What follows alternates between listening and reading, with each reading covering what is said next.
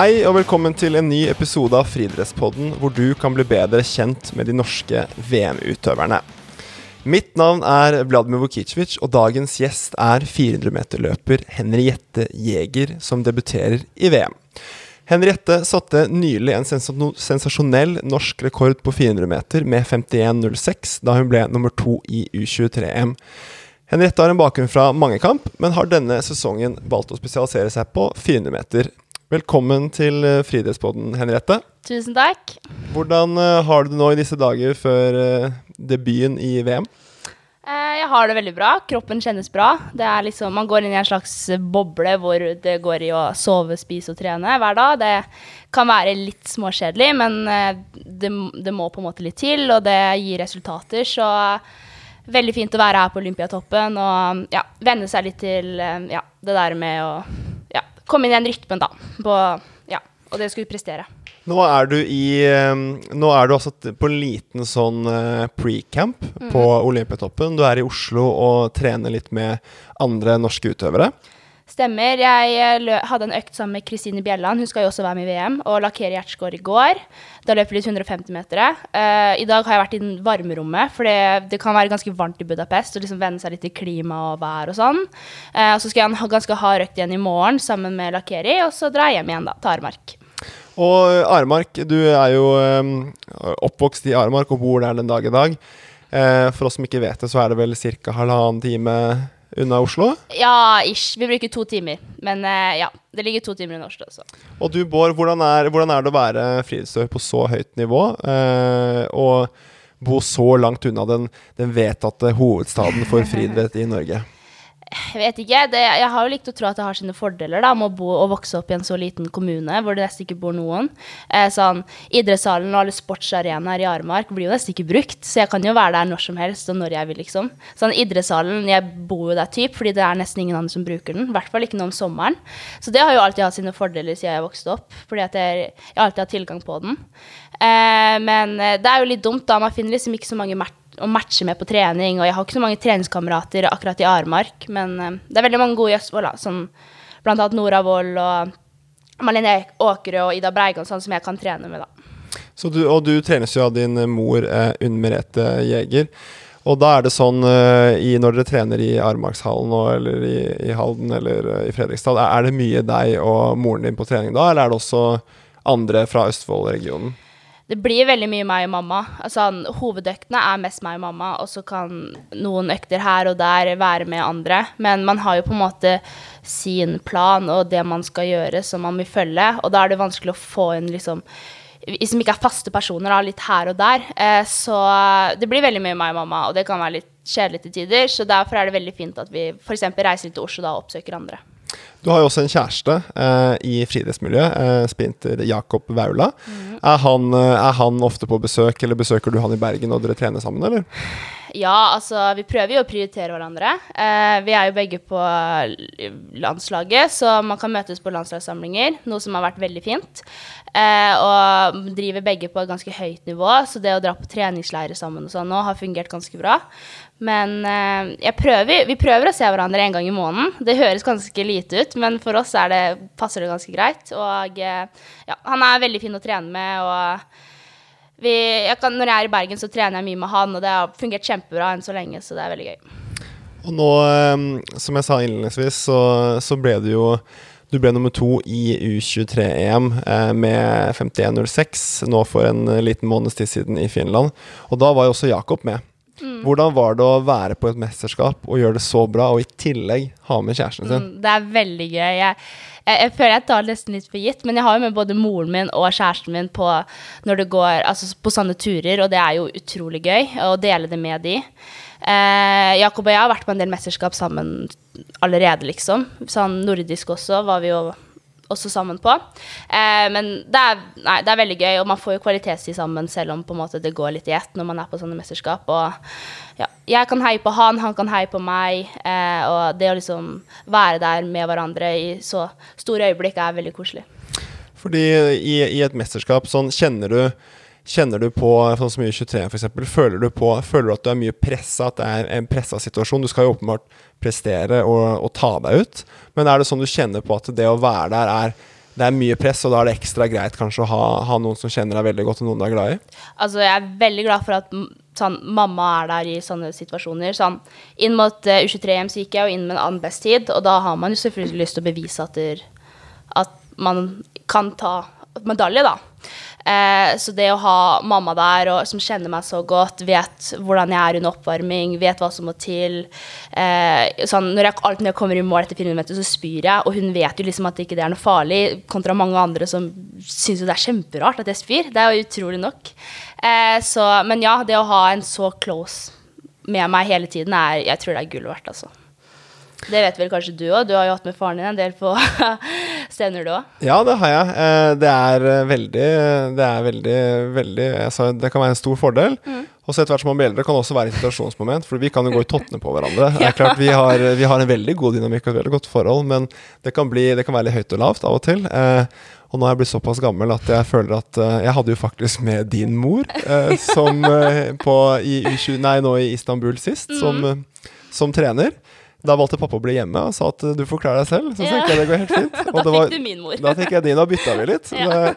Men eh, det var utrolig hyggelig. Og, og Unn Merete er jo Hun er jo så Hun er jo så lærevillig og ydmyk og ålreit å være rundt. Så Og det jeg, kan jo, jeg, jeg så jo dere to eh, på nært hold i, i Espo, hvor, hvor bra det fungerte, og hvor, hvor rørt hun var, da, og hvor glad du også var, og takknemlig for alt hun hadde gjort for deg. Ja. Ja, man blir jo det. Man, som sagt så tar man det nesten litt for gitt, men jeg er jo veldig takknemlig. Hun ofrer jo mye tid, og hun er jo med på stort sett alle stevner, alle treninger, og hun bruker veldig mye av sin fritid på meg. Så det at vi gjør det, at jeg gjør det bra, føler jeg at jeg gjør det på hennes vegne også. Og det er jo gøy. Um nå som ehm, du før sesongen eh, Du er jo Du har jo egentlig Du hadde jo før syvkampambisjoner, og har det kanskje fortsatt, men før denne sesongen så bestemte du deg for å gå over fra favorittøvelsen tidligere, i hvert fall mange mangekamp, syvkamp, til 400 meter. Kan du fortelle litt om eh, grunnen til at du valgte å bytte øvelse? Altså, jeg var lenge bevisst på at det var sjukamp jeg hadde lyst til å drive med. Og sånn, jeg hadde alltid sett for meg at i mitt første OL så skulle det være sjukamp jeg skulle gå. Eh, men eh, jeg prøvde jo å meg, kvalifisere meg da i 2021, eh, og så snublet jeg over da tredje hekk og fikk da påvist tretthetsbrudd. Eller sånn, det var egentlig bare tversoverbrudd fordi det var såpass hardt smell, da. Eh, og da starter jeg å trene litt for tidlig, så det brekker opp igjen halvåret etter. Eh, og det å komme tilbake igjen da etter to tretthetsbrudd, det var såpass tøft. For det første så turte jeg ikke å trene noen ting, for man var jo redd altså, man skulle skade seg igjen. Eh, og for det andre så var kroppen min Altså, jeg vet ikke, jeg var bare så mentalt sliten. Kroppen var ikke klar for den treninga som krevde Det eneste den på en måte responderte på, var løping. Og da ble vi litt sånn enige om at ok, Henriette, nå, nå, nå løper vi her, og nå ser vi hva det holder til. Om det ikke det holder til noen ting, så går det greit, liksom, fordi vi kan gå tilbake til mannkamp. Eh, og så gikk jeg for løping da i U20-VM i Colombia i fjor. Kom på en fjerdeplass. Det var helt sykt. Jeg så ikke den komme i det hele tatt. Det tror jeg nok er det største sjokket jeg har hatt i friidrettskarrieren min. altså. Fordi at jeg hadde nesten ikke noe trening inn mot, og det var Ja. Jeg så ikke den komme. Eh, og så gikk vi mot en høst, eh, og da Ja. Jeg trente mye vannkamp, og det så ganske greit ut, men jeg har alltid slitt med spyd, utrolig nok, for det er mamma sin favorittøvelse. Eh, og så sa jeg sånn på en treningsleir i hva var det, januar-februar nå, at hvis det spydet fortsatt lander på 35 meter, så går jeg til 400 meter. Hadde en økt, det landa på 33 meter eller noe, og jeg sa ok, nå gir jeg meg, og så hadde jeg har ikke rørt hverken spyd eller noe annet i mannkamp. Så jeg tror nok mye av spydet, at jeg ikke fikk knekt den koden også var med på å liksom gjøre at jeg ikke går til 400 meter, altså. Det har jeg ikke sagt til så mange, men jeg, jeg, jeg brukte så lang tid på å venne meg til det spydet og prøve å liksom knekke den koden, jeg fikk det aldri til. Men er det sånn at du er, du er du åpen for å begynne med eh, syvkamp igjen på sikt, eller tenker du at nå er, det, nå er liksom døra lukket for syvkamp? Jeg vil ikke si den er lukka, men, eh, men eh, jeg, jeg skal jo være ærlig og si at jeg savner liksom mannkamp litt. Jeg hadde ganske potensial, følte jeg, da, i både lengde og hekk òg. og jeg hadde nok et større potensial enn det jeg fikk vist i mannkampen. Men om det er større enn det jeg har på 400 meter, det vet jeg ikke ennå. Så jeg gir denne høsten en sjanse til. Uh, ikke på mannkamp, men på 400 meter, og så ser jeg hvordan det går. Og så, ja. Så får vi, vi får se. Altså, det er OL neste år som er hovedmålet, da. Så vi må gjøre det som er best inn mot det. Hvis vi, går, hvis vi går to år tilbake, Henriette, og det er jo, det er jo mange, av, mange av, av lytterne våre er jo er jo interessert i hvordan idrettsutøvere kommer seg gjennom eh, skader og, og, skadeperioder. Og du er jo tross din unge alder, du er bare 20 år, eh, født i 2003, så har du allerede opplevd eh, den stygge siden med idretten. Eh, I 2021 så løper du 100 meter vekk, og så faller du stygt, sånn som du sa. og og, og, og, rett og slett brekker benet. Hva følte du i den situasjonen, og hvordan, hvordan kom du deg gjennom det skademarerittet?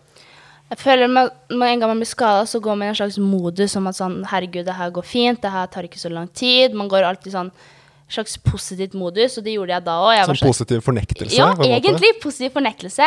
Jeg sa sånn OK, to-tre uker ute, det går fint, liksom. Da kan jeg sole meg litt og gjøre litt normale ting, da. Eh, men, men, det viste seg at det ikke skulle bli det i det hele tatt. Så jeg vet ikke. De første fem ukene gikk jeg med på krykker. Uh, og det var helt grusomt. Fy fader, all kreds til de som går på krykker, altså, for det er tungt i armene. Men uh, nei, jeg vet ikke. Det var å finne småmål her om dag, her, altså, på ulike øvelser. Da. Sånn som i sykling, f.eks., så kunne jeg finne meg at jeg skulle prøve å overstige den vatten, eller liksom på på ellipsemaskinen så skulle jeg holde den vatten i ett minutt. Eller du skjønner, finne sånne mål som på en måte ikke har noen ting med friidrett å gjøre, men som fortsatt kan på en måte hjelpe deg til å komme gjennom skadeperioden, da. Ja, og, og akkurat det kan jeg kjenne meg veldig igjen i. Altså, jeg har også hatt mine, mine skader, og det der med å du, for det første, når man blir skadet som idrettsutøver, så er man jo egentlig sårbar. Det er jo alt man brenner for, måte, og, og, alt man lever ånden for, blir på en måte tatt bort der og da, føles det. Det blir jo bekmørkt. Eh, I hvert fall for meg, da. Det, det, det, blir jo tungt, og da er det veldig viktig at man finner sånne småmål, om det er en ny personlig rekord i brutalbenken, ja. eller om det er å stå så lenge du kan på det friske benet, ja. da, og med, med vekteris på siden. Ja. Altså sånne småting. Jeg tror det er superbra. Eh, fordi de, skadene går jo over etter hvert, men det gjelder å se litt, få, få blikket litt ut da, fra, fra, hånda når man står så nærme på den. Ja. Og, um, og, rett og slett tenke at ok, vet du hva, eh, piggsko og flying og finere, det, det, det, det er utsatt litt. Ja. Det utsetter vi. Så får man gjøre andre ting i mellomtida. Prøve liksom å trene litt tett opp mot det man ellers gjør. da. Sånn aquajog, og jeg hadde så mange konkurranser med mamma i sånn aquajog, liksom. Så, eller svømming, for den saks skyld. Og Hvordan var det sånn underveis i, i eh, det skadeavbrekket ditt? Hadde du da, Var du mye alene med Unn da, eller var du mye også helt alene? Eller du, mm. Hvordan løste du det mer sosialt med andre? Mm, ja, altså Vi var ikke vant med altså, Mamma kunne ingenting om den skaden, jeg kunne ingenting om den skaden. Og vi tenkte jo liksom herregud, det her går fint, liksom. Så vi søkte ikke så mye opp, og vi ble ikke så kjent rundt skadeomfanget, da. Så jeg vet ikke. Vi, vi jeg tror egentlig jeg bare ble, Mamma trener mye, så jeg bare ble med henne på trening. Sånn litt mosjonisttrening, hvis man kan si det sånn. Og det var egentlig veldig motiverende, for da kunne jeg jo slå henne i ulike ting. Jeg husker vi hadde masse rointervaller, og hun var veldig god i ro, så det var veldig gøy å være med på, blant annet. Men også sånn masse sirkler og sånne ting. Så jeg, jeg føler egentlig at hun har vært med meg mye på trening, men nå bare ble jeg med henne på trening. Og gjorde det hun pleide å gjøre. Så, så til de som på en måte til de av yngre lytterne våre som, eh, som er kanskje i alt fra 14, 15, 16, 17, 18-årsalderen, mm. og som får skader. Har du noen tips og råd du vil, du vil gi til dem? Altså For det første er å være tålmodig. Eh, hvis du ikke er tålmodig, tar det som regel litt lengre tid. Altså. For det var det, som, det var det, som, skjedde etter det første bruddet, at jeg ikke var tålmodig nok, og det brakk opp igjen. Så vær tålmodig til du er helt sikker på at det har grodd, eller til du er lega, liksom. Eh, og finn glede i andre ting. Ikke fokuser så mye på at jeg skal løpe på det og det, og stress må komme tilbake, for det, det tar den tiden det tar. Eh, og ja, som sagt, finn glede i andre ting. Om det er brutalbenk, som du sier, om det er svømming, om det er noe form for fysisk aktivitet. Liksom, fyll treningstimene dine med det, istedenfor liksom, å sitte og sippe over at du ikke får gjort det du skal. Det er eh, kloke ord. Og, og, det er nå historien. Du har også kommet deg gjennom de to sesongene. Og har egentlig bare løpt eh, fantastisk bra i år. Du, du begynte jo sesongen eh, veldig lovende med en 300 meter bl.a. på Trond Moen Games. Ja. Og så løp du eh, veldig nær den gamle norske rekorden i Silesia på lag-EM. Mm. Og så var det da Espo tilbake der for en måned siden, og så løper du altså 51,06. Og du tar deg helt ut. Du faller over målstreken, gir absolutt alt, for det, for det gjør du alltid. Ja, det gjør jeg alltid. Hva, hva, hva går gjennom hodet ditt når du ser den tida, 51.06? Altså, Tavla fungerte jo ikke, så jeg så ikke tida i det hele tatt. Det, det eneste jeg på en måte Vet du hva, det eneste jeg tenkte på når jeg hadde falt over den målstreken, var at jeg skjønte jeg hadde tapt. Fordi at der, For det første så roper de jo hun der Jamie, hun som vant, på liksom spikeren. Og hun kommer bort til meg og liksom hun var veldig blid, og sånne ting, så jeg skjønte jeg hadde tapt. da. Eh, men altså, jeg, jeg, gikk helt i svart. Jeg begynte å liksom Altså, ikke svime av, da, men det gikk helt i svart, og jeg begynte å se sånn dobbelt, og liksom Man tar seg helt av. Man laktat opp til øretippen, liksom. Så jeg husker faktisk ikke så mye av det. Det eneste jeg husker, er at jeg måtte spy, og at jeg nesten ikke klarte å ta det der bildet sammen med de to andre på pallen. Men, eh, men, pappa hoppa jo over gjerdet og hjalp meg med å spy. og hele pakka, Jeg tror du så på det til og med. Ja, du hjalp meg jo. Du var der, du. Ja, jeg, jeg, var der. Jeg prøvde å holde det norske flagget så ingen skulle se, så ingen skulle se at, du, at, du, lå der. Og jeg tenkte det, var sånn, det er litt sånn privat at, ja. du, skal, at du skal spy. Men, eh, men ja, det var, det var, et mektig eh, øyeblikk, syns jeg. Og altså løpet ditt. Og, og, det å se deg Jeg syns du har en helt unik evne til å ta deg ut. Også, og det er jo en av de aller viktigste egenskapene eh, for en 400-meterløper. Er jo å kunne ta seg helt ut og ikke sitte der når man kommer i mål og tenke at jeg ga 99 ja. Det var bånn gass 100 jeg, jeg, kunne ikke løpt en millimeter fortere. Nei, og det kunne jeg ikke da heller. Altså, jeg stivna totalt når det var 20 meter igjen. liksom. Altså, Bena bare stoppa. Så Det var derfor jeg slang meg over. Sånn, jeg klarer ikke å løpe mer, så jeg må komme meg over. Og nå er det, nå er det snart uh, et nytt mesterskap for, uh, som står for dørene. VM i Budapest. Før du drar til Budapest, uh, Henriette, du, hvilken fem ting må du ha med deg i kofferten? Åh, altså jeg må ha med piggsko. jeg har faktisk klart å glemme det en gang før, så det er ganske viktig å ha med. Fem ting. Konkurransetøy. åh, den der er et godt spørsmål, altså headset. Jeg må høre på musikk på oppvarming, ellers så, ellers så blir jeg så fokusert på alle andre, og det går jo ikke. Um, sminke. og uh, ja, Telefon er jo ganske kjedelig. Jeg er ganske basic, så jeg må ha Ja, jeg tror det er ganske vanlig. Og så er det, men, men, på den telefonen, sånn som når du er underveis i mesterskapet, mm. ser du Ser du på, Har du noen sånn Netflix-ritualer eller noe HBO som du ser på? Liker mm. du å sitte og se på serier og slappe av, eller? Eh, jeg skulle ønske jeg likte å se på serier, men jeg, jeg føler ikke jeg har tålmodighet til det. Men, eh, men, eh, men ja, nei, jeg, jeg, ser litt på TikTok. og så er jeg mye på Jeg, jeg facetimer mye med Jakob, så da, da går tiden.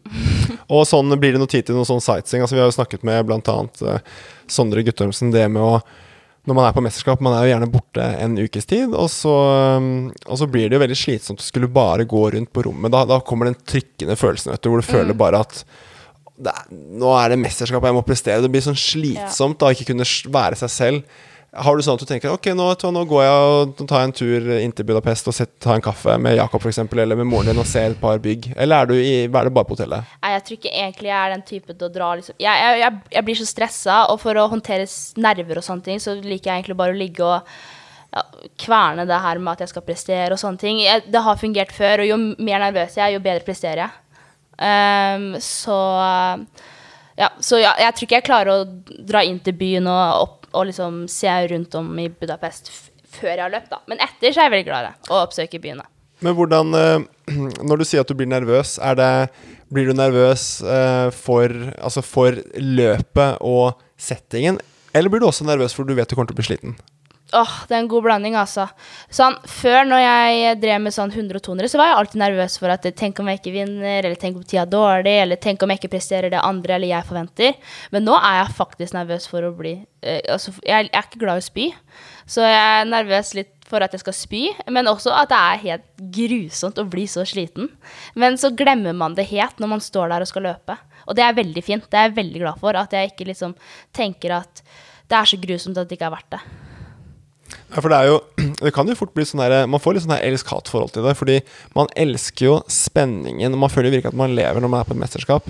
Og, og Jeg har jo aldri løpt fire meter, men jeg har løpt kort, kort mm. distanse. Og der er det en nervøsitet og en spenning som har å gjøre med at du, du, bare har så lyst til å løpe, og så har du lyst til å løpe fort, og så er du litt usikker på hvor fort går det. Kan du ikke bare spole fram og se hvor fort det går? Ja. men, men, men, men jeg, har jo, jeg, har jo, alltid sluppet den derre nervøsiteten for at jeg skal bli sliten, sånn Ja. som dere som løper 400 og lenger, kanskje kjenner på, da. Ja. Men har, har du noen sånn mentale Er det noen mentale ting du gjør, da? Altså sånn, liker du å være litt alene før du på hotellrommet, f.eks., eller er du, har du noen spesielle ritualer? Jeg, pleier, jeg liker ikke å prate med noen før jeg skal løpe. eh, og det er egentlig veldig ulikt meg, for jeg er egentlig veldig glad i å prate og liksom få bort tankene om andre ting. Men jeg liker ikke å prate med noen. Og sånn, hvis mamma prøver å holde en samtale, så er jeg bare sånn Nei, det går liksom ikke. Eh, og det er gjerne én til to timer før. Uh, men jeg har alltid en sånn oppvarmingsrutine, og hvis jeg holder den, da, jeg ganske, da blir jeg ganske rolig, liksom, for da vet jeg at det, okay, ting er likt som det var da jeg gjorde det bra. Og hvordan ser den oppvarmingsrutinen din ut, da? Nei, det er jogge, tøye, kjøre drilløvelser, og så kjører jeg alltid et langt drag sånn syv minutter før callroom. Jeg er ikke sånn veldig opptatt av detaljer på noe annet, men akkurat når det kommer til oppvarming, så er jeg ganske opptatt av detaljer. Ja, for du liker, å, du liker på en måte å vite at du disponerer kreftene Ja. dine optimalt. Du skal, Ja. bli, du skal kjenne litt på pulsen og litt, bitte litt syre, kanskje, Ja. før du går inn. Ja. Og callroom er jo, til de av, dere, lytterne som ikke vet det, så på mesterskap så må man inn i callroom gjerne 25-35 minutter før, og så går man inn på banen en 6-7-8 minutter før, avhengig av eh, øvelse.